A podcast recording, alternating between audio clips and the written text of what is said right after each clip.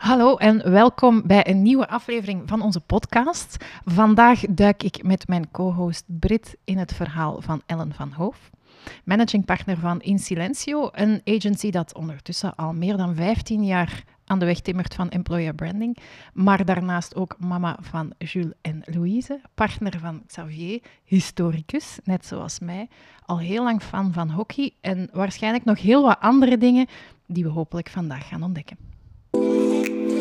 Ik ben Karen, bezieler en zaakvoerder van First Floor. First Floor is er om jong, veelbelovend talent in HR en marketing de best mogelijke start van hun carrière te geven. We geloven daarbij dat enkel talent hebben niet genoeg is. Dat vraagt, net zoals topsport, investering. We doen dit door uitdagende projecten bij onze klanten, gecombineerd met een uitgebreid coachingsite. Op die manier willen we niet alleen gelukkige professionals klaarstomen, maar ook toekomstige leiders die verantwoordelijkheid durven nemen voor hun job, hun bedrijf en zichzelf. Met deze podcast brengen we jou eerlijke verhalen van inspirerende, ervaren professionals die ons een blik gunnen in de mens achter de carrière. Ik ben uw gastvrouw en word telkens bijgestaan door een van onze jonge talenten die zo aan het begin van hun professioneel avontuur al hun nieuwsgierige vragen loslaten op die ervaren rotten. Wie weet, leren ze nog iets van elkaar. Veel kijk- of luisterplezier en welkom bij Even Rustig.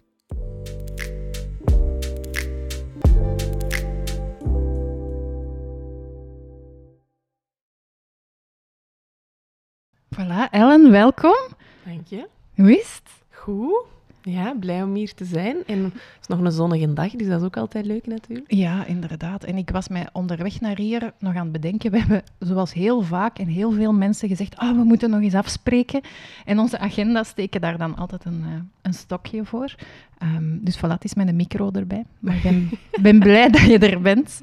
Maar dat um, gaat een babbel niet veranderen waarschijnlijk. Ik vermoed van niet. Ik hoop van niet. Um, nu, Ellen, ik ken u van omstreeks 2016.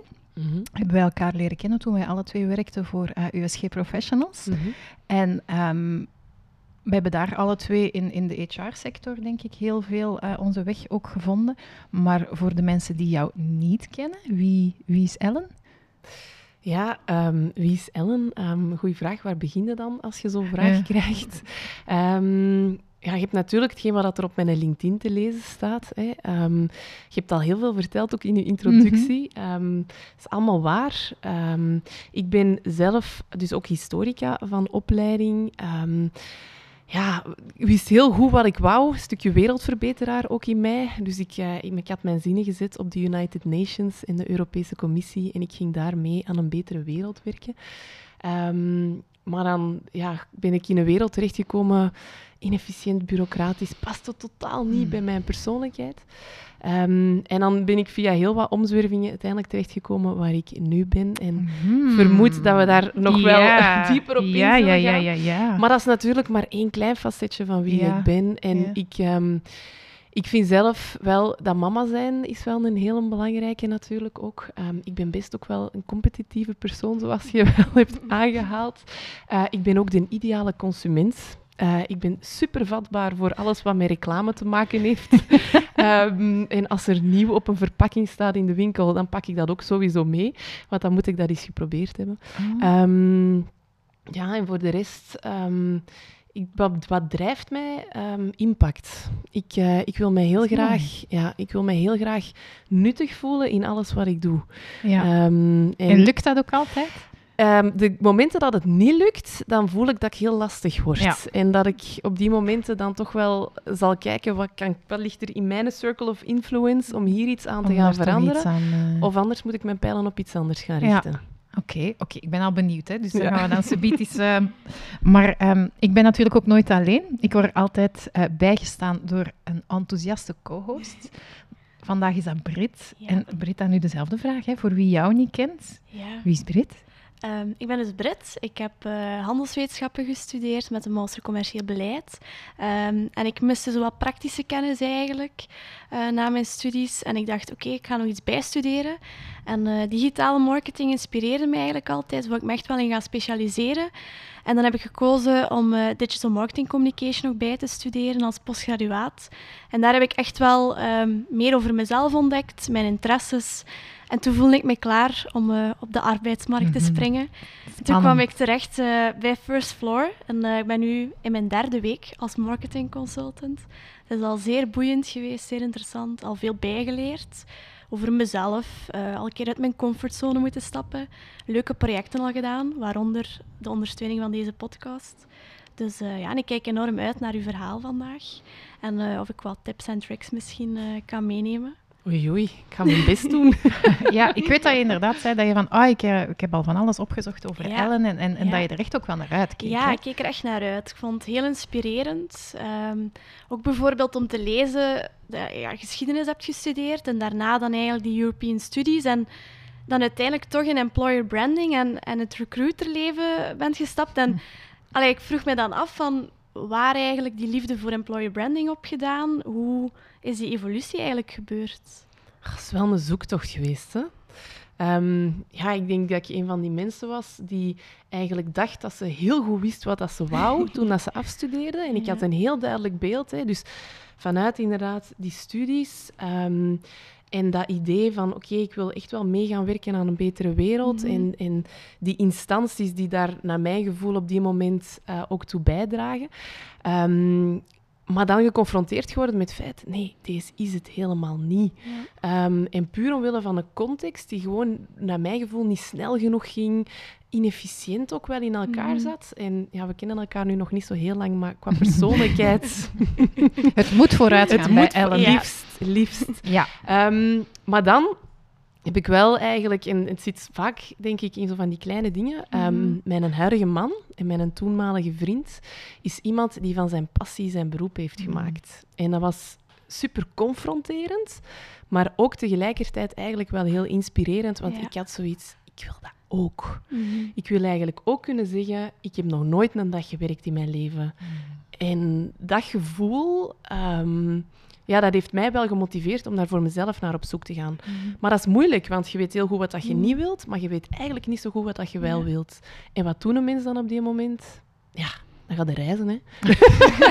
Altijd goed. Dan vlucht je gewoon even Ja. weg. Ja. En dan hoop je dat je daar op een Ja. berg, bij de zonsondergang, het licht nog even ziet en alle wijsheid eh, plotseling ineenvalt. Maar zo Ja, werkt het niet. Zo werkt het dus niet. Dat Nee. heb ik dan ook aan de lijve Nee. ontdekt. Nee. En ehm, dan dacht ik, oké, dit plan werkt niet.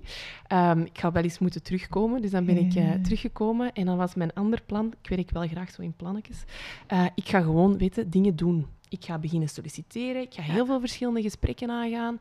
En doorheen die gesprekken en de type vragen die ik krijg, gaat dat wel duidelijker worden, Mhm. denk ik, wat ik zelf ook wel meer wil. Ja. En zo gezegd, zo gedaan. Heel breed beginnen solliciteren. Ook op dingen waarvan ik misschien initieel dacht... "Poeh, ik weet eigenlijk niet wat dat iets voor mij is. Ehm, en zo ben ik heel toevallig in, eh, in recrutering terechtgekomen.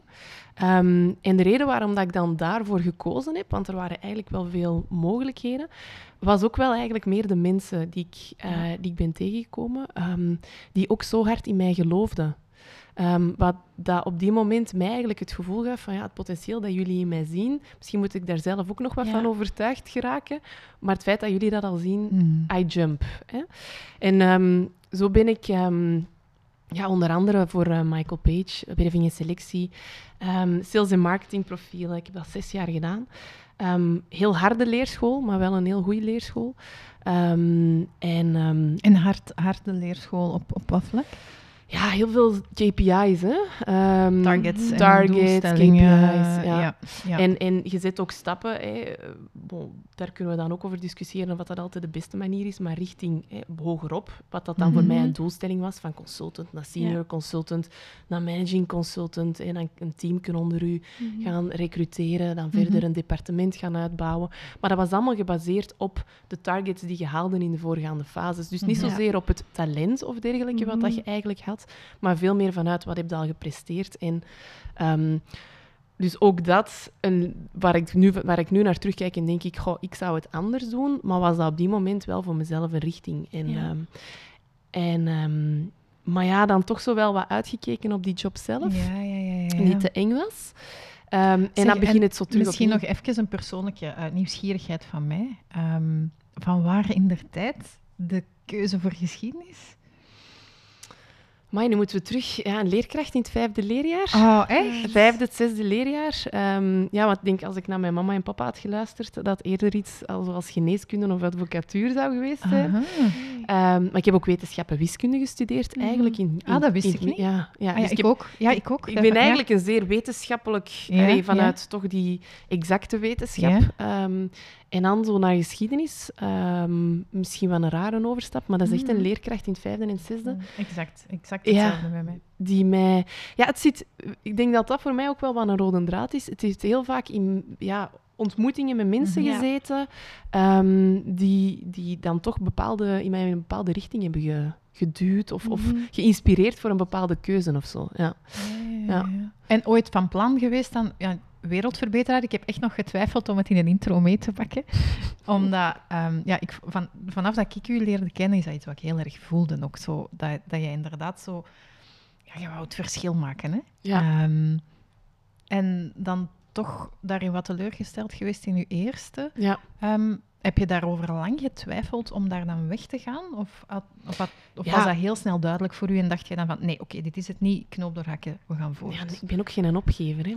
Ah, wel, maar daarom dat ik het Ja, vraag. dus het is wel een combinatie van die twee. Ik heb daar twee jaar gedaan.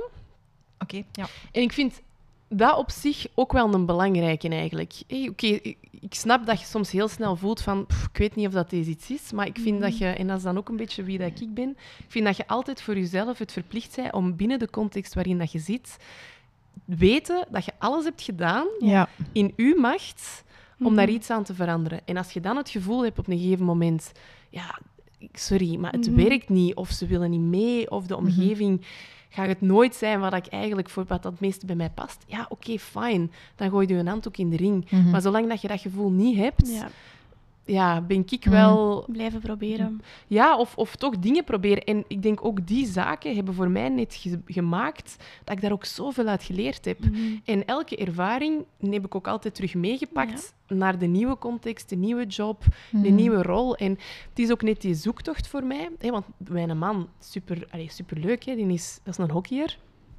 Die heeft altijd van, van kleins af aan gedaan. Die was daar ook goed in. Die heeft daar zijn beroep van kunnen Mhm. maken. Dus dat was heel duidelijk. En die had heel snel zijn passie gevonden. Maar ik had dat... Allee, ja, zo'n passie. Ik, ik heb dat misschien veel minder in die mate dan dat hij dat heeft. Ehm, en dan was dat veel meer een zoektocht. Ehm, en dan doe je dat ook op een andere manier, maar daarom is dat niet minder waardevol. Mhm. Want ik heb mezelf, denk ik, al veel vroeger bepaalde vragen gesteld die hij zichzelf nu stelt. Ja. En ik denk dat dat ook wel ja, mooi is in heel dat proces. Dat gaat niet eigenlijk altijd over dat einddoel, maar meer ja, elke stap en de Mhm. weg en die journey. En pas op, ik begin dat pas nu echt te voelen. Want Ja, mensen ja, hebben mij dat heel snel gezegd. Maar ja, Ja, Op dat moment Ja. dan. nee, maar Dat nu begin je dat wel te voelen. Ja. dat is ook zo'n cliché. Krijgt gedurende heel je leven van iedereen die al wat verder staat adviezen mee. Ja. Maar ja, je moet dat toch zelf ervaren. Je moet Mhm. zelf eens met je kop tegen de muur lopen. Of je moet zelf eens die positieve ervaring hebben van ah, nu snap ik wat ze willen zeggen. Om dat echt... te doorleven. Hè? Ja. Want hetzelfde met dan hè, werving en selectie. Ja, je, je, uiteindelijk op die moment leer de skills zoals dan een recruiter naar cv's, naar mensen kijkt. En zo ben ik dan ook eens naar mezelf gaan kijken en aan meer vragen beginnen stellen. Oké, waar krijg ik nu echt energie van? Waar liggen mijn talenten? Waar ligt mijn toegevoegde waarde ook voor de context Mhm. waarbinnen dat ik terechtkom? Want het Mhm. is niet alleen vanuit mijn bril, maar Mhm. ook...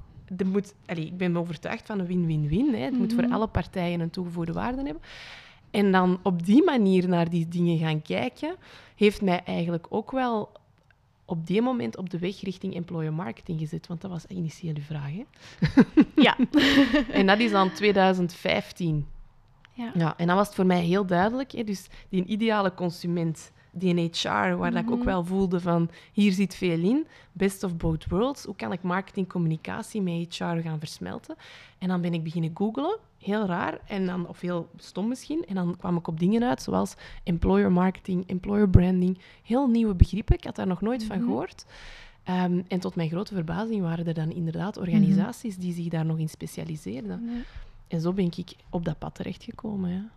Ja, want ik herinner mijzelf nog zo onze eerste gesprekken toen, ehm, ik denk bij, bij jouw sollicitatie onder andere voor, voor USG, dat jij echt zei van ja, ik vind die, ik, vind zo alles wat te maken heeft met recruitment en die bedrijven, ik vind dat super interessant, maar ik wil nu echt inhoudelijk de stap zetten naar meer het marketing, het employer marketing stuk. Ehm, en dat dat voor jou een hele belangrijke was. Ik weet nog dat jij toen bij mij op dat moment heel overtuigd overkwam en inderdaad als iemand die echt wel haar pad aan Ja, het uitstippelen was. Ja, maar dat was ook omdat ik daar heel bewust mee bezig Mhm. was. En bij, Ma- bij Michael Page dan bijvoorbeeld had ik een team van drie mensen onder mij. Dus ja, maar dat, ik voelde aan alles. Dat is nu niet voor mij hetgeen waar dat ik nu Mhm. mijzelf in Ja. verder moet ontwikkelen. Ik wil inhoudelijk groeien, ik wil Mhm. inhoudelijk uitgedaagd worden. Ik wil eerst zien dat ik daar op mijn juiste weg zit. Mhm. En als dat people management ooit nog terug op mijn pad komt, dan zal dat er wel op komen. Maar dat was niet op die moment. Ik was ook 28, 29 jaar. Eerlijk, dat is niet, dat is niet de moment in je leven om mensen te gaan aansturen. Je Mhm. moet zelf nog zoveel leren. Ja. En dat vond ik... Allee, ik ben wel blij dat ik dat op die moment ook aanvoelde en die, die keuze heb gemaakt naar... Ik wil eerder vanuit dat expertise verder gaan en de rest, dat komt wel. Ik vind dat ook knap, want ik merk ook heel veel mensen, en vooral ook ja, jonge mensen, die heel snel naar dat leiding geven en dat people Ja. management, alsof dat, dat het hoogste goed is. Ah, Mhm. dan ben ik leidinggevende. Ik denk dat dat voor heel velen soms ook wel een koude douche is, want dat is niet het gemakkelijkste van een job. En als je dan inderdaad nog niet zelf heel wat ervaringen of dingen hebt meegemaakt, Mhm. ja, dan, dan begin je heel snel te wankelen. Hè? Ja. Ik denk ook dat veel jongeren ehm, zichzelf ook gewoon de druk tegenwoordig opleggen om gewoon snel te groeien. En eigenlijk daardoor vaak ook in zo'n leidinggevende functie snel willen terechtkomen zonder eigenlijk zichzelf eerst goed te kennen. Omdat ze Denk- denken dat dat zo hoort. dan. Ja, omdat ik denk dat er ook wel een redelijke druk vandaag de dag op jongeren wordt gelegd. ehm, zowel op schoolvlak als op werkvlak. Ehm, iedereen moet goed presteren en moet altijd het beste zijn en hoge studies doen. En als je hoge studies doet, ook nog een keer goed doen. Hè, want niet te veel herexamens, nog een keer mooie cijfers. En ik denk dat daardoor jongeren misschien ook zichzelf ook die hogere druk opleggen. En ook in, in het werkveld Mhm. snel willen groeien. En ik denk dat iedereen wel ja, een beetje carrière wil maken vandaag de dag. En misschien te snel. En daar niet de tijd zichzelf voor willen geven. Nee, nee, en dat bevestigt ook wel, hè, want ik, ja, je hebt mij dat al horen zeggen, hè, Britt. Ik denk, en dat is bij al, bijna iedereen van onze consultants die Mhm. begint bij First Floor, dat ik iedereen eigenlijk bijna moet geruststellen van het is oké dat je nog niet alles kan Ja. en weet. Ik verwacht dat niet. En ik denk dat heel veel werkgevers dat in het begin niet verwachten. Wij beseffen heel goed Mhm. dat jullie nog heel veel te leren hebben. En, en, maar ik heb de indruk dat jullie dat zelf... Zelf, ja, dat wij zo... Ik heb dat zelf ook wel een beetje. ehm, na mijn universitaire studies, is dat ik zoiets had van, oké, nu moet ik alles kennen, nu moet ik alles weten. En dan kom je in een stage terecht en dan denk ik, oei, ik kan eigenlijk nog niks, precies. Mm. Ja, en daardoor ook, ook die keuze gemaakt om nog een meer praktischere ja, opleiding te gaan doen. Om Mhm. toch een beetje meer het gevoel te hebben van, oké, ik kan toch iets. Mhm. Maar inderdaad, ik denk dat vooral veel jongeren zichzelf gewoon die druk Mhm. opleggen. Mhm. Mhm. Ja. Ja, en daarom vind ik het zo fijn om te horen, en we hebben hier nogal zo'n gasten gehad, die, die, die heel bewust voor zichzelf uitmaken. En ik hoor jou dat ook zeggen, maar ja, dat voelde niet goed voor mij. Mhm. Ehm, dus ik ga hier even een, een stap in een andere richting zetten. Ja. Zonder daar ineens beter of slechter of aan te koppelen, maar gewoon even een andere stap om te ontdekken wat voor mij dan wel klopt. Ja, en dat is ook groeien. Ja. Ik denk, groeien is niet altijd eh, van, van gewoon consultant naar senior consultant Nee. naar managing. Maar groeien kan inderdaad ook gewoon eens van HR naar finance gaan. Mhm. Of van finance naar sales. Of, of gewoon een totaal ander bedrijf. Dat is ook groeien. Dus ik wil zo dat Mhm. concept groeien en hoe dat je daarnaar kijkt. Er zijn zoveel verschillende dingen die daar, eh, die daar een rol in spelen. En hetgeen wat ik ook zo nog ehm, wou inhaken op wat je daar juist zei, vanuit je komt van school en je hebt misschien ook wel zo de verwachting vanuit jezelf dingen toe te voegen en te brengen en vanuit Mhm. kennis. Ja. Maar wat ik net heel interessant vind, en dat is misschien meer vanuit mijn pit van zaakvoerder vandaag de dag ook, ik vind met elke nieuwe starter die bij ons ook start binnen de, binnen de organisatie, dat is een onbevangen blik. Mhm. Die kijkt naar de dingen zonder dat die al mee is gedraaid in ja, het stramien waarin dat we Mhm. allemaal zitten. En het type vragen dat hij of zij stelt, gewoon vanuit de dingen beter te willen begrijpen, dat doet ons als organisatie Mhm. ook groeien. Dus ook al, hè, want wij spelen daar intern ook mee, wij noemen onszelf experten in employer marketing. Mhm. Dus dat woord expertise voor iemand die bij ons net start, die zegt, ja, ik vind dat een heel moeilijk Mhm. woord, hè, omdat ik mij vandaag geen expert voel. Maar tegelijkertijd zeg ik, zeg, ja, maar je bent een kandidaat geweest. Je bent een medewerker van een organisatie. Dat zijn onze twee belangrijkste doelgroepen waarom dat wij de dingen doen die wij doen. Bekijk dat gewoon eens vanuit die blik. Mhm. Of vanuit blik van, van iemand die net hier start. Hoe voelt dat dan? Dus je hebt wel... Allee, en dat dan durven uitspreken. Naar waarde schatten. Ja, ja. Want uh, ik vind, vind het heel grappig. We hebben onlangs uh, met, met, on, met een groep van, van onze mensen. Iedereen volgt bij ons ook een, een groeitraject, een persoonlijk leiderschapstraject. Mhm. Mhm. En we hebben net onlangs uh, de tweede dag van de eerste groep gedaan. En daarover ging het eigenlijk ook van, oké, kijk eens naar hoe dat je hè, vanuit die situatie komt en geef elkaar daar eens feedback op. En, en het is een van de conclusies dat ik hen ook heb meegegeven van, zelfs al kom je ergens binnen als starter, het feit dat jij daar met een frisse blik naar kijkt, mhm. maakt dat je sowieso al iets hebt toe te voegen. ja. Maar dan merk ik dat er heel veel dat spannend vinden of hun eigen mening of hun eigen blik nog niet waardevol vinden of zo, om dat al te durven uitspreken. Een beetje onzekerheid, denk ik gewoon hmm. nog, om, ehm, omdat wij die expertise nog niet hebben. En misschien de schrik om, om fouten te maken, om domme dingen te zeggen misschien. Ik denk dat het ook veel afhangt van de organisatie waar je terechtkomt. Ja. Bij First Floor had ik meteen het gevoel van, oké, ja het is de bedoeling om fouten te maken en daaruit te leren. En heb ik geen schrik om mijn eigen mening te zeggen. Maar er zijn gewoon heel veel bedrijven die zeggen: ah, starters, die willen wij niet aannemen of die willen wij geen kansen geven. En waardoor dat je dan misschien zelf ook die schrik een beetje oplegt om dingen niet te durven zeggen. Ja, ja, ja. Is dat echt zo? Want ja, voor mij is dat natuurlijk al lang geleden. En ik heb de indruk dat er daar op die arbeidsmarkt wel wat aan het veranderen is. Er is wel aan het veranderen, maar we merken toch nog steeds dat toch veel bedrijven minstens drie jaar ervaring. Of dan staat er bijvoorbeeld junior consultant. Ja, dan denk ik aan junior, oké, dat zijn de posities waar wij kunnen voor solliciteren. Mhm. Dan staat er ja, minstens twee jaar ervaring, drie jaar ervaring. Ja, die ervaring hebben wij niet. Maar dat is ook, als ik daar eens even op mag, uh, mag inhaken. Wij doen veel studies naar vacatureteksten en dergelijke. En ja, nu ga ik even heel stereotyp praten, maar blijkbaar vrouwen kijken naar een vacaturentekst mm en die zien eigenlijk zeven bullet points van dingen die mhm. verwacht worden. En die denken, shit, ik heb maar zes van de zeven. Ja, ik ga niet solliciteren. Ga niet solliciteren. Ik ga niet solliciteren, want ik heb er maar zes van de zeven. Bij mannen werkt dat mannen, helemaal aan. die kijken naar die bullet points. We zitten hier onder drie vrouwen. Ja, ja. Dus, dus dat mag, dat, zeggen, mag dat. Um, en die denken, oh, ik heb er twee van de zeven. Ik ga solliciteren. Maar dat is echt zo. Ja, dus laat u niet afschrikken door die, ik heb er zes van de zeven. Allee, en ik toch heb ik dat wel laten doen, hoor. Ja, maar niet... Ja. Allee, ik kan u dat nu zeggen, maar je gaat dat, dat gaat niet helpen, denk ik. Maar laat ons, dat, dat is hetgeen wat ik probeer te doen als bedrijvenkant, is om daar inderdaad hen ook uit te dagen van daar een beetje naar een andere manier naar te mhm. kijken. En hire for attitude en train for mhm. skills. Mhm. En op die manier ook naar die markt te kijken. En pas op, ze gaan wel mee moeten, want het is een war on talent. Er is veel te weinig volk op de markt. Zeker. Ze gaan wel meer en meer mee. Moeten, mee in dat gedachtegoed gaan. Hè? Ja, pas op. En ik, ik betrap ons er ook wel natuurlijk regelmatig op. In zo'n vacature schrijf je heel vaak het, ide het ideale profiel. Maar dan proberen we dat er ook bij te zetten. Van mhm. kijk, de ideale persoon is deze. Mhm. Maar als jij daar anders over denkt, oké, mhm. let's talk. Of, of, en ook heel eerlijk te zijn over wat dat wel zo is, dit zoeken we niet. Ja. En, en om wel wel een eerlijk beeld te geven. Maar ja, dat is zo wat een een balans zoeken. Hè? Maar ik merk inderdaad dat er daar soms mensen door afgeschrikt zijn. En dat is zonde. Want heb jij veel moeten solliciteren? Of eh, mocht jij veel op mm. gesprek komen? Ja, ik heb wel zelf eigenlijk... Allee, ik heb zelf niet zoveel moeite moeten doen. Er zijn veel bedrijven die mij hebben aangesproken. Ehm, mm. Maar als ik wel keek naar vacature teksten, om, door zelf al een keer, bijvoorbeeld zeker bij stages of zo, uh, heb ik wel een, een goede zoektocht moeten doen. En um, ja, dan was ik wel de persoon die inderdaad zag, ah, de zeven bullet points. En er was er eentje, één programma waar ik bijvoorbeeld niet mee kon werken, goh, zou ik wel solliciteren. En dan kreeg ik ook wel het advies van een vriend van, gewoon doen. Ook, ook die jaren ervaring, gewoon solliciteren en ze zullen dan wel zien. En mhm. ik heb wel bij een bedrijf gesolliciteerd die normaal gezien nooit uh, starters eigenlijk wil aannemen en uiteindelijk mij toch wel de kans wil geven. Dus als je kunt aantonen wat dat je sterktes zijn en, en dat je ook een meerwaarde kunt bieden, gaan bedrijven daar soms ook wel voor openstaan. En ik merk ook wel bij sommige vacatureteksten dat vaak die bullet points daarop staan en dat er dan zowel staat van...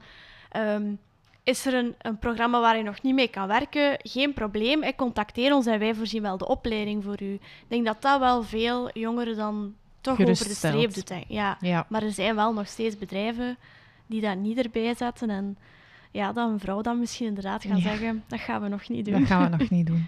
Maar wat ik wel interessant vond, is, ik hoor nu dat ook zeggen. Hè. Ehm, dus op een gegeven moment, hè, na de reis dan, ook heel veel gaan solliciteren.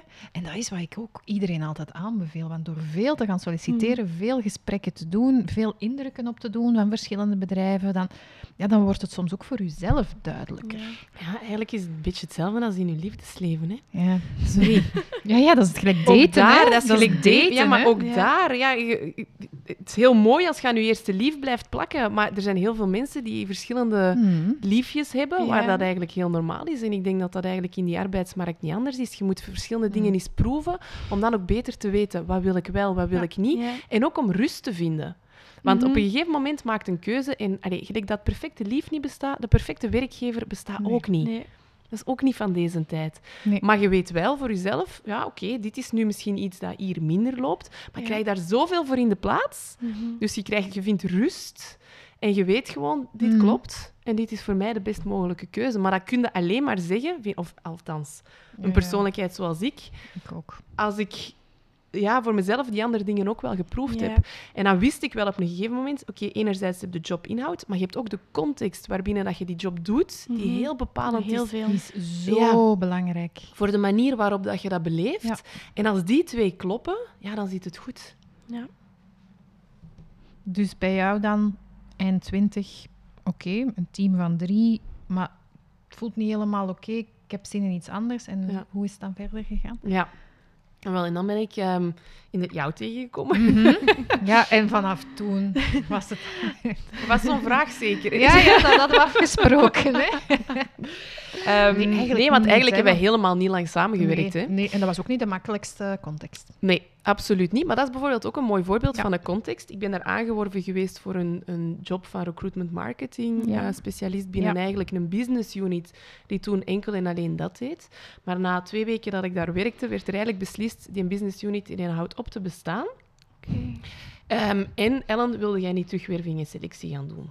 Ja, Want ja, dat was natuurlijk heel gemakkelijk. Dat was Ja, een achtergrond die ik had. ja. Ze Mhm. wisten dat ik daar met de leerschool aan had gedaan. En ja, daar was ik gemakkelijk inzetbaar. En toen dacht ik wel eens, nee, gullen niet met mij, mannetjes. Nee, nee, nee. Ik, Ik vond dat ook niet- verschrikkelijk om die boodschap te moeten brengen. Ja, ik heb hier niet die overstap gemaakt Nee. om dat te gaan doen. En ik ben daar ook wel allee, eerlijk in Mhm. geweest, van dat ga ik niet doen. Maar ik ben ook wel mee gaan kijken naar wat kan ik binnen Ja. deze context Ja. wel nog voor jullie betekenen. En uiteindelijk, door dat ook te durven uitspreken en samen mee oplossingsgericht te gaan kijken wat is er wel mogelijk, is er toen een interne marketingfunctie Mhm. uit de bus gekomen. Dan die niet, daar zat niemand op. Dus dacht ik, oké, ik doe dat gewoon. Ik ga naar die Ja. interne marketingfunctie en ik ga wel zien wat dat, dat geeft. Ja. Op die moment, ik had geen marketingervaring, hè. Maar ik dacht, ik spring. Pippi Langkous gewijs. Ik heb het nog nooit gedaan, Dus dus ik wel denk, kunnen. dus ik denk dat ik het wel kan. Ja. Spring ik daarin. Maar goed, heel moeilijke context, blijft zo. En ik kreeg een berichtje van Tom de Wachter in mijn LinkedIn. Ehm, en die zei, Ellen, je hebt hier ooit een jaar geleden gesolliciteerd. Dus qua candidate experience zat dat nog niet zo goed. Ehm, maar eh, ik zou toch nog eens heel graag met u willen praten. Want op die moment hè, kwam dat eigenlijk ons niet uit. Dus we zijn nu Mhm. september 2016. Ehm, maar ik wil wel eens luisteren wat dat we nu voor elkaar zouden kunnen betekenen. En Tom de Wachter was de huidige eigenaar van Insilencio. Mhm. Ehm, of de toenmalige Mhm. eigenaar van Insilencio. En ehm, dan heb ik getwijfeld, want dan dacht ik, ja, maar wacht, ik zit hier nu op die interne marketingfunctie. Misschien moet ik dat eerst ook een kans geven. Mhm. Maar het was dan de Bram die zei van, oh, ga nou gewoon, ga nou gewoon eens babbelen. Wat heb je nu te verliezen? En dan dacht ik, ja, eigenlijk heeft hem wel gelijk. Dus dan ben ik gaan babbelen en ja, dat was wel een hele snelle klik Ja. eh, tussen mij en Tom. Dat kan ik mij ook voorstellen, ook qua Ja. persoonlijkheid. Ja. Ja. En dan nog een aantal andere mensen eh, ontmoet binnen die organisatie van Silencio, een case gedaan. Ehm, en ehm, ja, dan uiteindelijk aangeworven. En dan ben ik in zes, op 6 december 2016 bij Insilencio gestart ehm, als strateeg. En dan, Mhm. wat houdt dat in? Ehm, ja, Insilencio eigenlijk... Ik weet niet of dat jullie... Weet je wat Insilencio Ja, doet? ik heb Ah. mijn research gedaan. Ah, ja, maar misschien dat niet iedereen die luistert Nee, weet. inderdaad. Nee, dat is Want, eh, waar. Ehm, ja, het is het mooiste reclamebureau of communicatiebureau. Ja, ja, ja. Nee, nee. We bestaan trouwens al 18 jaar. Is het al 18? Ja. Ik dacht rond de 15. Ik wist het eh, niet Nee, meer dan zeker. 18. We zijn ooit opgericht op 1 april 2004. Eh, dus dat is al wel, Dat is heel al wat- maar oorspronkelijk niet per se echt niche employer branding? Altijd wel. Toch? Ja. Want ik ja. dacht dat het eerst vanuit eh, wat breder communicatie en dat het dan op een gegeven moment echt naar de niche employer Het is branding heel is snel. Ze hebben altijd al die advertenties beginnen doen vanuit HR marketing. Ja, Ja. ehm, hier en daar wel nog iets on the site erbij, maar eigenlijk wel heel hard met die focus. In 2008 is Tom er dan bijgekomen. 2015 heeft Tom Dan heeft hij het eh, overgenomen, eigenlijk van de, de oprichters. Ehm, en dus ik ben eigenlijk mee ingestapt in die periode dat Tom al aan het roer zat.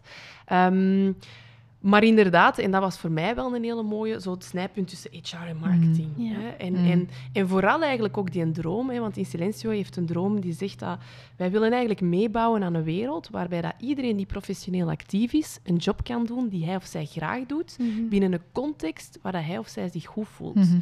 En dat was nu net ook wel hetgeen wat ik in die persoonlijke zoektocht, Ja, zoektocht heel hard had ervaren, ja. ervaren.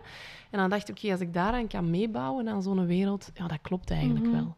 Ehm, Ik weet ook nog toen dat jij mij vertelde van, hè, dat je naar In Silencio ging, dat ik onmiddellijk zoiets had van, ah ja, doen, dat klopt. ja, hè? Dat klopt. Ja, ik van, uiteraard vond ik dat toen spijtig, maar professioneel voor de toenmalige organisatie vond ik dat jammer, maar als persoon had ik onmiddellijk zoiets van, ja, dit is de juiste keuze. En zal ik er nog eens iets bij zeggen? Ik heb toen 800 euro bruto ingeboet op mijn salaris. Zot, hè?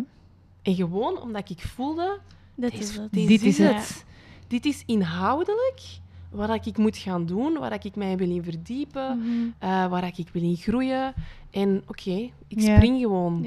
En dat was ook niet leuk, hè? Dat dat, en dan Nee, dacht ik, tuurlijk "Oh, moet ik hier nu over twijfelen? Moet ik dat nu niet doen omwille Mhm. van die reden? Nee, van hoofd. Er zijn zoveel andere aspecten. Ja, Die ook belangrijk die zijn. En ook dat salaris, want daar, daar had ik dan naar mijn gevoel, dacht ik op die moment, duidelijke afspraken over Ja. Ehm, ja, dat, dat zien we dan weer wel. Dus voilà, ik ben gesprongen. En eh, heel veel heel leuke projecten gedaan voor heel veel verschillende klanten.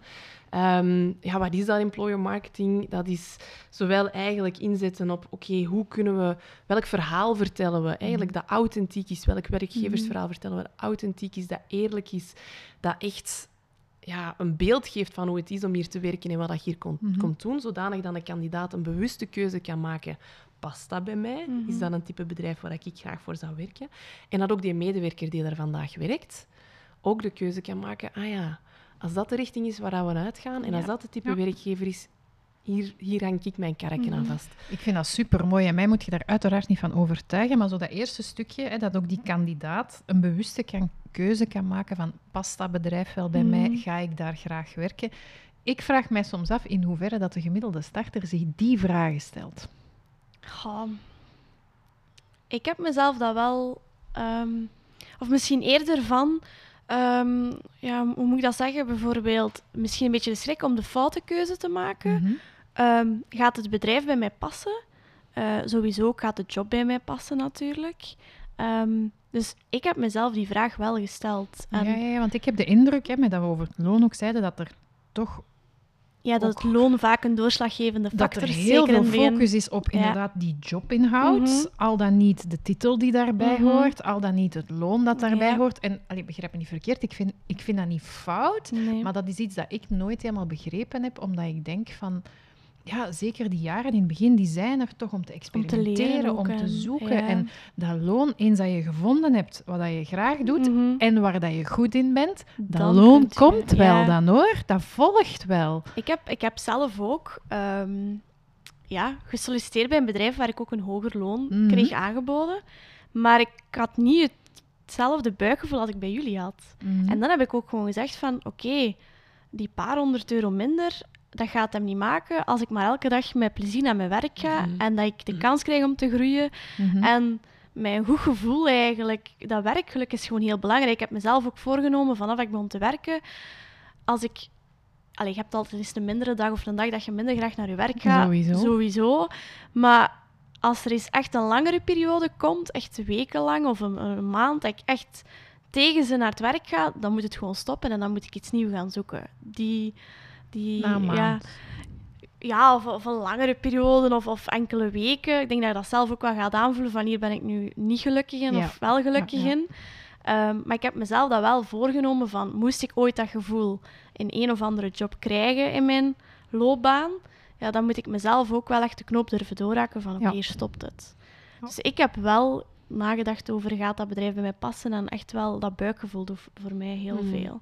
Maar ik Maar- denk dat veel jongeren inderdaad anders denken. Maar wordt dat meegegeven vanuit de studies? Of? Ik denk dat dat ook weer samenhangt met die druk die vaak op ons wordt gelegd. Mhm. Dat je ja, een goed loon moet hebben en ah, best een bedrijfswagen er nog eens bij. En ah, heb je maar dat van extra legaal voordeel. Ik denk dat dat gewoon in de maatschappij tegenwoordig... Maar weet je wat dat ik Je hoort dat ook en je leest dat. Hè? Bijvoorbeeld eh, de, de ehm, huren, allee, huren wordt duurder, Ja. Ja. huizen worden duurder, Ja. Energieprijzen Ja. stijgen. Ja. Dus ik snap Ik die ongerustheid. Ik hè? Ik kan dat absoluut begrijpen. Ehm, maar ik denk wel dat een druk waar jij over spreekt, die wordt opgelegd, dat dat een druk is die je zelf oplegt. Ja. En dat daar uiteraard door de berichtgeving die je leest in de media, dat dat daar niet aan helpt. En dat Mhm. dat zo groeit, dat begrijp ik. Maar ik denk wel het feit dat je weet dat dat een druk is die je zelf oplegt. En het goede nieuws is dat dat dus iets is waar je iets aan kunt doen, Mhm. dat dat wel helpt. Mhm. Ehm, Ja, nee, helemaal mee eens. En trouwens ook wat je zegt van het maatschappelijke momentele, want ja, Ja. zeker wij, wij werken natuurlijk met heel veel twintigers. En dat kun je niet ontkennen. Dat is een Nee. leeftijd dat je voor de eerste keer alleen gaat wonen. Ja, iets gaat eh, huren, of misschien gaat samenwonen, Ja. iets wil kopen. Ja, met huidige prijzen. Dus ik, ik besef Ja. absoluut dat dat loon belangrijk is. Ik wil, ik wil dat ook niet van tafel vegen als zijnde, dat doet er niet toe. Mhm. Maar het is, het is soms wel een moeilijke balans. En ik, ik heb u een aantal keer horen zeggen van oké, groeien is niet alleen promotie maken of leidinggevend zijn of een, een, een groot loon. En dat als er iets is dat ik heel hard wil meegeven, is inderdaad die eerste jaren gebruik dat om te zoeken en vooral te vinden. Nee. Maar dat Ja, is niet ja. makkelijk, hè? Absoluut. En ik, ehm, eh, want ik, ja, als ik er met andere mensen over babbel, soms ook mensen die ouder zijn dan mij, die, ehm, die mij ook aangeven van, oh, dat is eigenlijk zo waardevol dat je dat in het begin van je carrière Mhm. redelijk snel hebt beseft en dat je die Mhm. zoektocht al hebt aangegaan. Want er zijn heel veel mensen die vandaag de dag 45, 50, ja, die eigenlijk moet ik er geen leeftijd op plakken, maar die zeggen, fuck, ik zou misschien ook nog wel eens iets... Ja. Voor de fuck zeggen eigenlijk. Of Ja, dat mag hier. Ik Dat zou ook mag wel hier. graag nog eens iets anders doen. Ja. Ehm, en die heel snel zijn Ja. meegegaan. Ja. En ik ook. Ik ben de oudste van een gezin van drie. En ik heb eigenlijk altijd gedaan wat dat er van mij verwacht werd.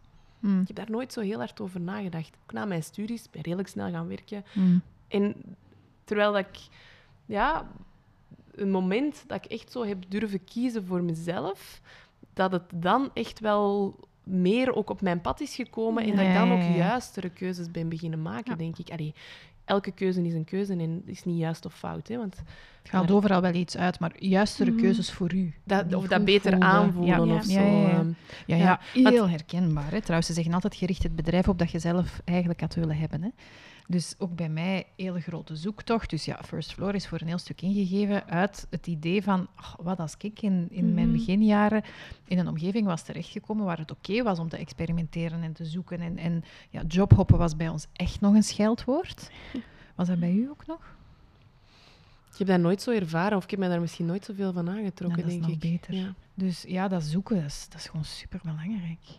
Maar weet, weet je waarom dat ik denk dat dat misschien mij minder parten heeft gespeeld? Omdat door elke keuze die ik gemaakt heb, het voor mij ook elke keer wel een stukje duidelijker werd wat dat ik wou. En Mm. dat maakte hetgeen dat jij ook zo zei in dat sollicitatiegesprek. Jij wist eigenlijk heel goed te Mhm. vertellen waar dat je naar op zoek Ja. waart.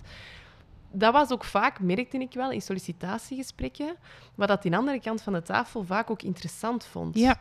Van, ehm, en je moet niet, niet allee, alle waarheid in pacht hebben. En je moet, Nee. maar zo het feit dat je voor jezelf al wel weet van... Oké, ik heb die keuze gemaakt, ik heb dat eruit meegenomen en nu ben ik Mhm. eigenlijk echt wel op zoek naar dat. En dat is in mijn context belangrijk, dat is in mijn job belangrijk.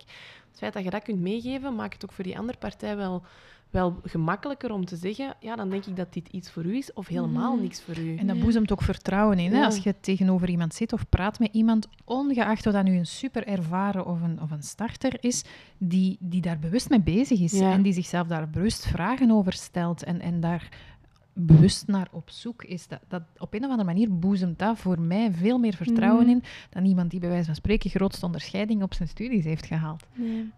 Maar ja, ik snap dat dat misschien niet altijd vanzelfsprekend is. nee, nee, inderdaad. Maar ik snap, eh, ik snap het standpunt. Hmm.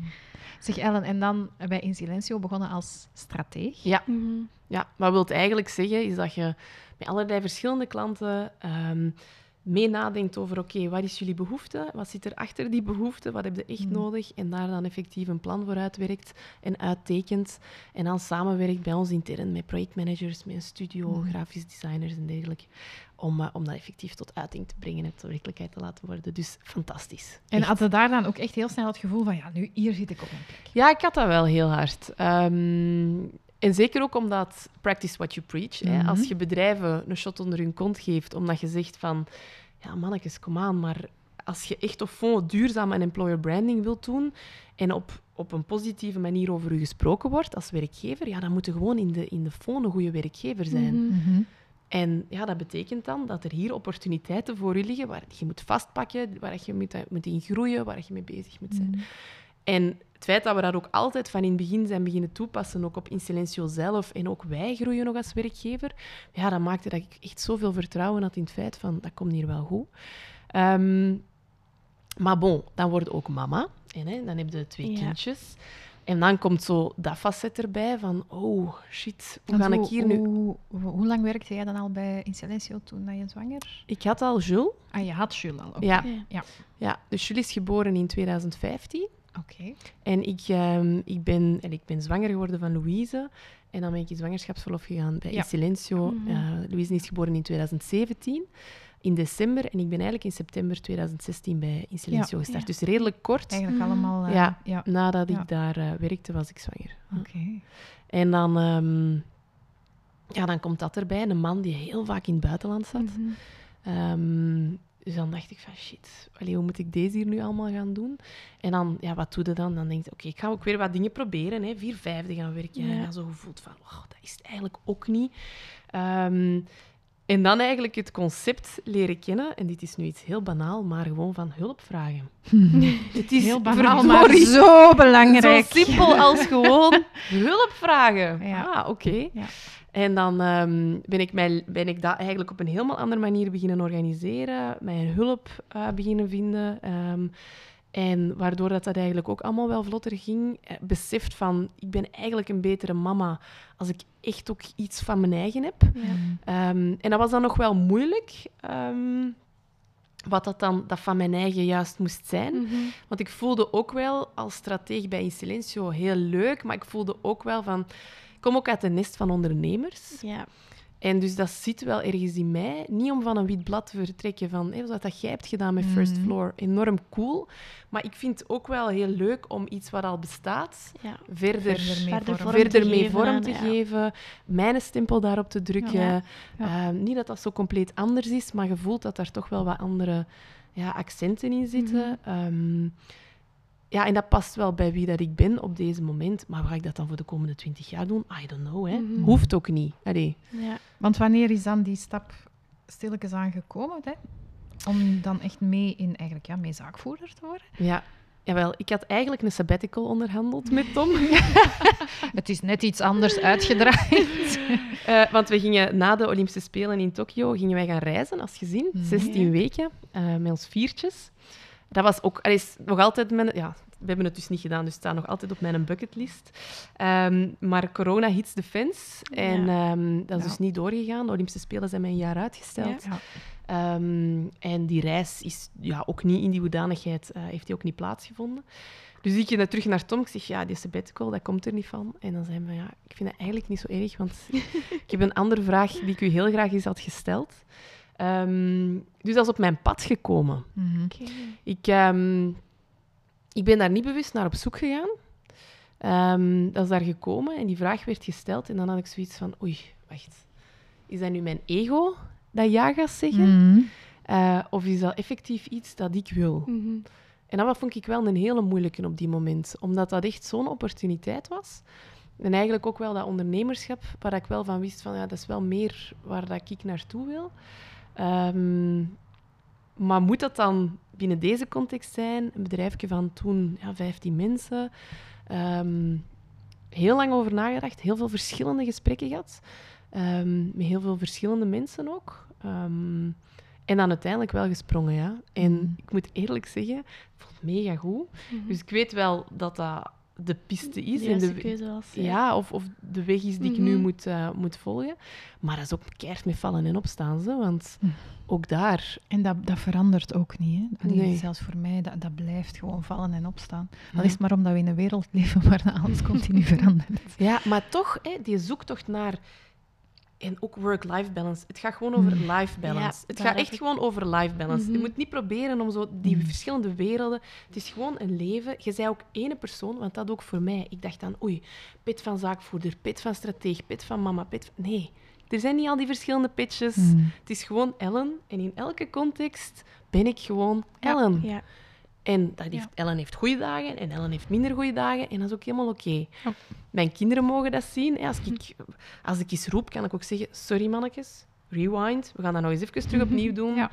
Voilà. En hetzelfde ook als zaakvoerder. Ehm, wij hebben best al wel ehm, met ons target setting, hè, dus een redelijk gevoelig onderwerp, Mhm. een eh, verkeerde berekening gemaakt in het begin van het jaar. Dat we dan achter waren gekomen rond maart ongeveer. Ehm, en ja, dan voor de troepen gaan staan en gewoon heel eerlijk gezegd, we made a mistake. Mhm. Ja. En ja, dat heeft wel guts nodig, want op die moment voelde dan Mhm. zo'n stemmetje dat in je hoofd zegt, ja, wacht, Ah, kunnen we hier nee, nog een draai aan geven? Nee. En zeg, nee, Nee, Nee, niet doen. naar nee. dat duiveltje niet luisteren. Gewoon eerlijk. Ja. We made a mistake. Maar dat is, dat is moeilijk, hè. Ik, ik vind dat op vandaag ook nog altijd heel moeilijk. En kan eerlijk zeggen, dat heeft niet met mijn ego te maken, maar dat heeft te maken met het beeld van leiderschap dat, denk ik, voor een heel groot stuk ons met de paplepel is ingegeven. Namelijk degene die het allemaal moet weten en moet kunnen. Mhm. En een fout maken en dat toegeven aan uw mensen, ja, dan ben je geen goede leidinggevende of zo. Dat, is iets dat ja, mij maar heel erg ik denk speelt. net wel dat werknemers, ik zou dat als werknemer net, ja, van ah oké, die maakt ook wel eens een Ja, fout. ja, ja. En om daar eerlijk en transparant dan over te zijn tegen uw werknemers, mij zou het als werknemer zeggen van amai, oké, knap. Die zijn er gewoon eerlijk en transparant over en die maken ook fouten. Een leider is ook maar een mens. Allee, Ja, en je weet dat hier wel, maar op het moment zelf voelt dat toch altijd, vind Ja, want hé, op die moment is dat ook wel best voor u. Allee, Het gaat een impact hebben hé, op uw Mhm. targeting en dergelijke. Dus het is wel iets... ehm, ik snap dat je dat nu zegt, maar in die context gaat het misschien ook wel even gewoon... Allee, mannen, seriously? Ja. Wat dat ook oké is, hè, voor alle Mhm. duidelijkheid. Ehm, Maar om nu even terug te koppelen naar work-life balance. Ehm, bijvoorbeeld, ik als starter, allee, ik ben nu maar drie weken bezig, maar ik merk dat dat soms heel moeilijk is om daar een balans in te vinden. Ik denk sowieso in je eerste Mhm. jaren gaat dat gewoon moeilijk zijn. om om grenzen te stellen en te zeggen van oké, nu even werk aan de kant. Heb je daar een tip voor? Om, of heb je misschien zelf al momenten ervaren van oei, hier zit mijn work-life balance toch niet meer zo goed of zo? ja, absoluut. absoluut. Ik denk dat een duurzaam werkritme vinden... Mhm. Want daar gaat het voor mij dan eigenlijk. Ook omdat ik, Mhm. ik kijk daar... Ik kijk niet zozeer dus naar work en naar life, maar voor Mhm. mij is dat eigenlijk... Ik vind dat wel oké als dat allemaal wat samensmelt. Mhm. Dat werkt voor mij het beste persoonlijk. Ehm, maar dat duurzaam werkritme vinden, ehm, dat je lange tijd kunt volhouden, waar dat je van voelt, van zowel mentaal... Mm. Want het is vooral mentale Mhm. vermoeidheid dat mij soms parten speelt daarin.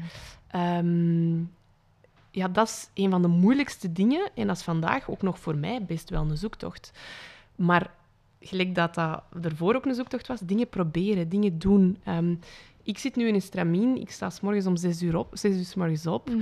Ehm, en ik doe dan al een heel aantal dingen die mij deugd doen. Ja. Ehm, ik, heb dat, ik doe dat al een hele tijd. Vroeger startte ik dan met mijn mails. Mhm. Maar nu heb ik al beseft, als ik mijn dag niet start met mijn mails, Ja. dat ik veel meer energie heb. En eigenlijk is dat super logisch. Heb ik dan ook in zo'n podcast gehoord, want ik luister ook nog veel podcasts en ik Mhm. lees daar ook nog boeken. Think Like a Monk trouwens. Super interessant een boek. Van Jay Shetty. Eh, want dat gaat eigenlijk over ja, die businesswereld, die snelheid waarin dat wij allemaal Mhm. zitten.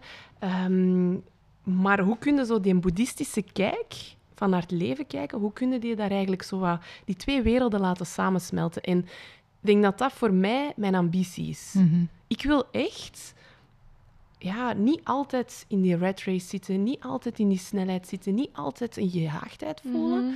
maar echt rustig van elk moment kunnen genieten. Ja. Maar dat is een utopie, hè. Dat lukt mij Mhm. de één week duizend keer beter dan de andere week.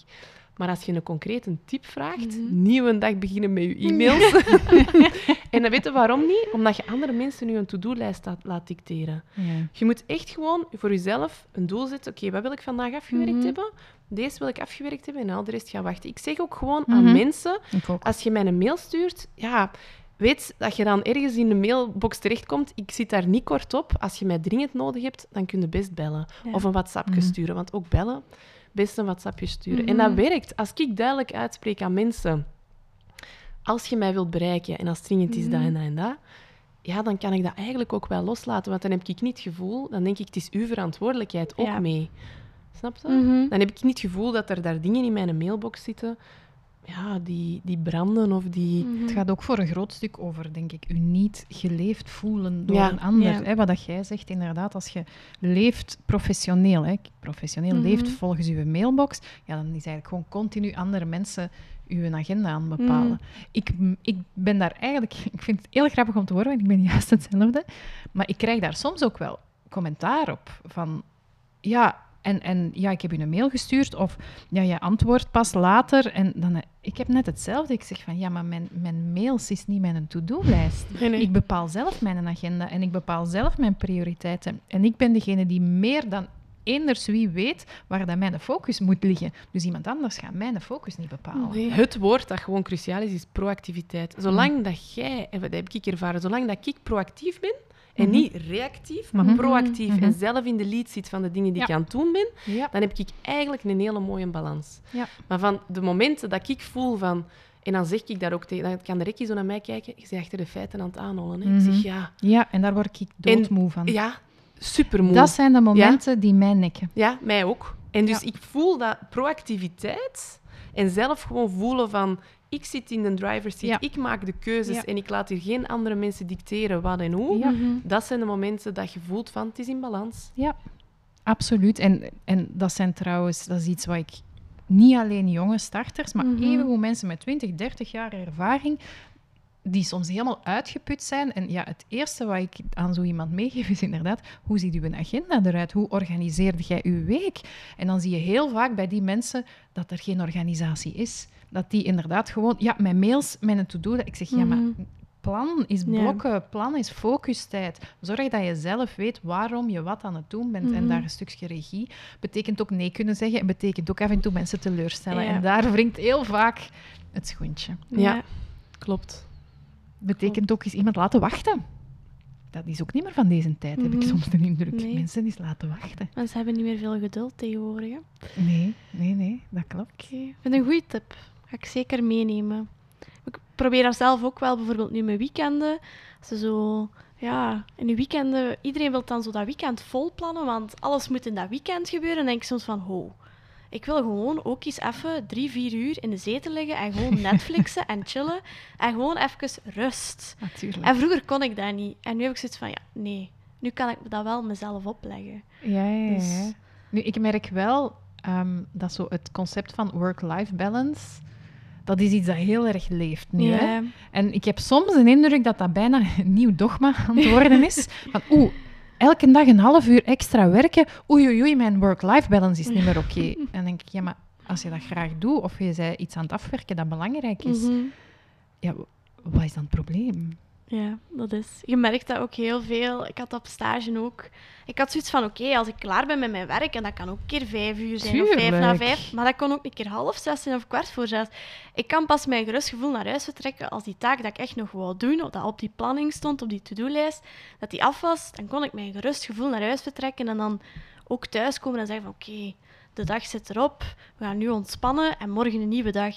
Maar ik had ook echt mensen naast mij zitten die gewoon vijf voor vijf alles afsluiten, dan vijf uur die laptop toe was en weg. Ja, dat zou ik ook niet kunnen, maar ik merk dat inderdaad tegenwoordig is dat... Dat wordt Ja. bijna een nieuwe regel. Hè? Ja, En dat, ja, dan, echt van negen Maar zo tot gefocust vijf. op die uren, ja? Ja, Ja, ik merk dat enorm. vaak, hoor. Ja. Amai. Ja, Ja. Nou, en dat vind ik dan weer de slinger die de andere kant uitslaat, want dan wordt dat een andere vorm van druk. Mhm. Namelijk, ik mag hier Je niet moet te veel... ja, ik klaar moet, zijn. ik moet mijn uren in het oog houden. Ik moet mijn work-life Ja. balance. Terwijl wat dat jij zegt, daar gaat het over. Hè? Een ritme vinden dat voor u werkt. Mhm. Ja. En, en waarin dat je gewoon goed voelt ehm, en, optim en voelt van oké, hier heb ik voldoening, ik doe het graag en ik, ja, het gaat over een ritme vinden. Ja, ja, dat is niet zo gebonden aan Nee. uren eigenlijk, voor mij ook ik niet. heb dat ook nooit begrepen. Nee. Maar, ja... Ik merk dat ook wel iets minder bij de mensen die bij ons starten of zo. Dat dat zo... Maar misschien is dat ook de context waarin dat we zitten zou kunnen, natuurlijk. kan. misschien Ja. agency life, dat toch een beetje de, Ja. ook wel hè, de, ja, de perceptie heeft van de druk die heel hoog Ja, ligt. maar bij ons Ja. eigenlijk heel vaak de struggle is niet die people pleaser hè, in je uitschakelen. Ja. Hè. Zeker richting klanten dan ook Ja, nog ja, eens. ja, ja, ja. Eh, durven nee zeggen. Mhm. Maar, en dat probeer ik dan, het is vaak gemakkelijker als je een alternatief ook biedt. Je Ja. zegt, nee, dat gaat niet dat, tegen dan, maar, Maar, wel... Ja, Ja. Dat en dat Eh, wel. voilà. Ja. En ik denk dat dat ook wel vaak, ehm, dat oplossingsgericht meedenken, op zo'n moment. Maar het is, want ook werkdruk blijft ook binnen Insilencio bijvoorbeeld echt een punt waar dat wij keer op keer voelen van, oké, scoren we misschien wat minder op hè, eh, als Mhm. werkgever, maar dat is een beetje eigen aan de context natuurlijk. Anderzijds ook aan het feit van, ja, hoe gaat het daar zelf mee om? Hè? Mhm. Met werkdruk, met stress. Mhm. Wat doe je zelf als je stress ervaart? Ehm, proactief, reactief, ja, dat zijn wel van die dingen. Dus daar zijn we nu wel heel hard op aan het werken. Maar eh, Het zijn ook dingen die gelukkig nu veel bedrijven op aan het werken zijn en, en dat nu allemaal ook bespreekbaarder wordt. Ik denk dat dat vroeger... Allee, spreek me tegen als het niet zo is, maar ik denk dat dat vroeger meer een taboe was. Absoluut. Ehm. en je merkt ook daar dat er nu stilletjes aan een nieuwe generatie aan het Mhm. roeren van bedrijven aan het komen Ja. is. Dat is waar. En dat, ook dat, hè. Ook, die dat ook gewoon belangrijk je- vinden, om ja, daar open over te praten. En, ja. Ja. Nog niet overal, maar dat, Nee. dat verschil, de Ja. verschil zal er altijd zijn. hè. Zeg, en bij u, voel je nu een groot verschil in bijvoorbeeld stress, in verantwoordelijkheid, nu dat je toch een rol van zaakvoerder hebt? ehm, eigenlijk niet zo. Wel Mhm. op, allee, er zijn wel een aantal momenten al geweest dat, dat, dat ik het wel anders heb aangevoeld. Ehm, Ik ben ook altijd wel een redelijk betrokken medewerker geweest. Ehm allee, wij hadden Ja, er bijvoorbeeld... is een reden dat Tom jou die vraag gesteld Ja. heeft, uiteraard. Hè. Ja, ongetwijfeld. Ehm, ik heb dat ook altijd heel graag gedaan. Hè. Zo wel meegedacht over ja, wat zijn de krijtlijnen, strategie, Mhm. waar moeten we naartoe, wat speelt er in de markt, hoe kunnen we daarop inspelen. Die dingen. Dus ik dacht, het heeft niet heel veel veranderd. Het grootste verschil is voor mij wel geweest, is op bepaalde momenten wel even kunnen zeggen van oké, nu schakelt het heel even uit. En allee, dat is wel een proces geweest dat ik heb Mhm. moeten leren. Mhm. Eh, omdat ik er mentaal wel heel vaak mee bezig Mhm. ben. Ehm, maar nu, bijvoorbeeld, ik heb een maand verlof gepakt in de zomer. Mm. Fantastisch, hè? Ik kan, hè. Allee, ehm Mhm. Kijk, goed. tuurlijk. Ja, dat moet kunnen. Hè. Ja. Ik, ik neem ook drie weken vakantie, omdat ik als een bedrijf geen maand of geen drie weken zonder u kan. In mijn wereld Ja, ben je dan- als zaakvoerder niet goed bezig. Nee. Nee. nee, wij zijn een heel zelfsturende organisatie, Mhm. dus dat helpt natuurlijk ook wel heel hard. Maar ehm, ja, dat is ook niet... Ja, ik vind dat wel fijn. Ik vind dat ook... Ik Mhm. merk voor mezelf, dat hoort bij mij ook bij duurzaam werkritme. Ja. Ja. Klopt, Ja. helemaal mee eens. En zo dat durven kiezen voor jezelf, Mhm. Is wel ook een belangrijk. Want ik kan mij ook laten leven hè, door in silencio en door wat dat iedereen van Mhm. mij nodig heeft. Mhm. Maar ook daar durven kiezen voor mezelf. Ehm, ja, is wel een Ik denk dat je gewoon een, een fijnere collega bent, een beter leidinggevende, ehm, een aangenamer iemand om mee samen te werken als je voor jezelf, u, ook jezelf daar een beetje in, in, in managt. En ja, je hebt daar ook een voorbeeldrol in. Hè. Dat is waar. Dat, is Dat waar. lukt mij niet altijd, voor alle duidelijkheid. Dat, eh, dat besef dat ik is heel waar, goed. dat hebben we besef vorige ik week heel dus- goed. Ja, ja. Mailtjes beantwoorden op vakantie. Nee, dat is... eh, en, en dan zet ik er direct bij van, oei, ik ga dat nu niet meer doen, want Ja, ik ben nu een heel nu ben slecht ik een slecht voorbeeld. voorbeeld. Maar aan de andere kant ook niet, want als dat voor u wel werkt en dat Op dat moment was dat even... eh, ja, ja, ja. Maar, en dat, is, dat hoor ik ook wel vaak, is zo toch misschien nog dat, dat, dat luikje intimiderende of zo soms. Ik weet niet of dat je dat, je dat ook herkent. Ehm, maar dat, ja, en dat is dan wel iets waar ik nu probeer heel veel aan te doen. Dat dat zo toch niet zo ver af lijkt. En hoe bedoel je mij intimiderend? Naar intimiderend intern. Hè? Dat Ah ja, zo, ja, ja, ja, ja. dat ze zo, ja, ja. oké, maar voor u is Ja. dat allemaal... Dan denk ik, ja, maar nee, Nee. Ik, ik kom ook wel van een plek van waar dat jij vandaag zit. klopt. Klopt. Ehm, mijn papa heeft mij ooit een boek gegeven, De valstrik van het geluk. Klinkt, klinkt super interessant. Ehm, ik weet zeker de eerste, eh, de eerste ehm, hoofdstukken hebben mij enorm geïnspireerd. En hetgeen wat dat daar voor mij de belangrijkste key takeaway was, is dat dit, Mhm. dat is een radioke. Allee, je hebt eigenlijk je, je hersenen, Je dat is, hersenen, dat is een ja. radioke. Mhm. En jij kiest of dat je ernaar luistert of niet. Ah ja, ja, Ja. absoluut. En Oh. Je kunt ook van post veranderen Ja. als wat dat je hoort u niet aanspreekt. Ja. En je kunt ook gewoon zeggen van, "Pff, nee, ik ga daar niet naar luisteren. Want ik dacht altijd, ja, maar wacht, dat is mijn onderbewuste, dat wil mij Mhm. iets zeggen, ik moet daar iets mee doen. Maar dat is dus totaal niet. En sinds dat ik daarmee ben gestopt, dan denk ik eigenlijk ook, wow, het is wel makkelijker eigenlijk. Wij krijgen zoveel overtuigingen mee, ook die niet altijd de onze zijn, of die voor ons gewoon niet kloppen. En dan moet je echt wel even inderdaad van zender switchen. Ja, of je houdt jezelf zo klein, of je denkt Ja. zo... dat, dat, ja, bij ons ook groot topic momenteel, imposter syndroom. Ik weet niet of Mhm. dat iets is waar dat je zelf... Ik ken het niet, Ja. eerlijk gezegd. Dat is dus eigenlijk het gevoel dat je een soort van bedrieger bent. Ja. Mhm. En dat je eigenlijk in een rol zit waarbij dat je het gevoel hebt van... Oh, ze worden Ik kan hier ik- elk moment door de, door mand, de mand vallen. vallen. Ja. Ze gaan doorhebben dat, Dat ik er eigenlijk eigenlijk, niks van ook ken. niet veel van weet. Dat Ja. ik ook maar wat doe. ja, dat gevoel. Ja. En dan zegt gewoon een stemmetje ja, ja, in ja. Ja, hoofd. En de keuze van, mannetjes, luistert daar gewoon niet naar. En bekijk het gelijk dat we het in het begin zeiden. Mhm. Echt vanuit ook uw blik naar de dingen heeft een toegevoegde waarde. Daar kunnen wel zeker ook... Wij zijn heel veel met brainstorms bezig. Dus elke mening moet gezegd Mhm. worden, want Mhm. iemand anders pikt daar weer op voort. En dat zijn zaadjes voor nieuwe ideeën. En zo is dat met alles. Het schijnt ook dat dat ook iets weer typisch is waar vrouwen, voornamelijk vrouwelijke Ja. leiders, eh, last van hebben, hè, van dat imposter syndroom. Goh, ik, ik, ik, ik voel he- heel af en toe voel ik dat dan zo is. Eigenlijk dan zo bijvoorbeeld voor deze podcast, dan hoor ik zo'n stemmetje in mijn hoofd zeggen, maar waar heb jij nu eigenlijk te vertellen? Ja, ja, ja. En dan denk ik, van of, kom aan, laat het los. Karen zou je Zeg niet ja. uitgenodigd hebben. Gewoon ja. Ja, ja, nee, nee, nee, herkenbaar. Trouwens, ik heb daar zelfs nog last van soms. Absoluut. Ik denk dat dat iets is. Dat... Maar het houdt je ook scherp. Ja, en ja, voilà. Het, het, zolang dat het u Het mag niet, niet overheersen, het mag je niet verlammen. verlamt, ja. Zolang dat het u niet verlamt, Nee. nee. is het eigenlijk niks. Eh. Dus eigenlijk hoor en zie ik een gelukkige Ellen momenteel. Ja, Ja. ja, eigenlijk wel. Ja. Met een goede balans tussen werk Ja. en... eh, Of een goede ritme. maar Een Een goede ritme. ritme. Ja. Een goede Ritme ritme. is het woord, in plaats van balans. Ja, en, ik, en allee, dat was dan voor mij na de zomer mijn voornemen. Ik moet terug wat meer gaan sporten. Mhm. Ik moet zien dat, dat, dat ik dat niet laat Mm. ondersneeuwen. Ja. Want ook als ik meer sport, voel ik mij ook Ja. energieker. Ja. Allee, Ja. Zo die dingen. Ja. En je leert dat dan wel. En nogmaals, ook dat mild zijn voor jezelf. De ene periode lukt u dat beter Ja, dan de ander. Absoluut. Zeker. En ehm, nog misschien zo'n tip dat ik ooit van mijn papa heb gekregen. Wat is het advies dat je aan een vriendin zou geven nu Ja. op deze moment? Ja, Ja. Geef datzelfde advies is aan aan jezelf. jezelf Want je bent altijd veel te streng voor veel je te eigen. streng voor je eigen. Ja, is ons een werkpunt. Ja, ja, ja. ja. Veel te streng voor mezelf. Ja, dat is die lat die hoog, dat is die Ja. druk dat je jezelf weer Ja. oplegt, hè, voor een groot Perfectionist. Ja. Ja. Zeg, en eh, naar de toekomst toe, nog, nog dromen? Of laat je het op je afkomen? Of... Ehm, ik wil eigenlijk echt heel graag die reis gaan doen met mijn Ja. gezin. Ja, Dat is, dat is echt wel hoog op mijn bucketlist eh, Ja. van dingen die ik absoluut wil gerealiseerd hebben. Ik zou ook heel graag nog eens aan de oceaan wonen ook. oh, ja.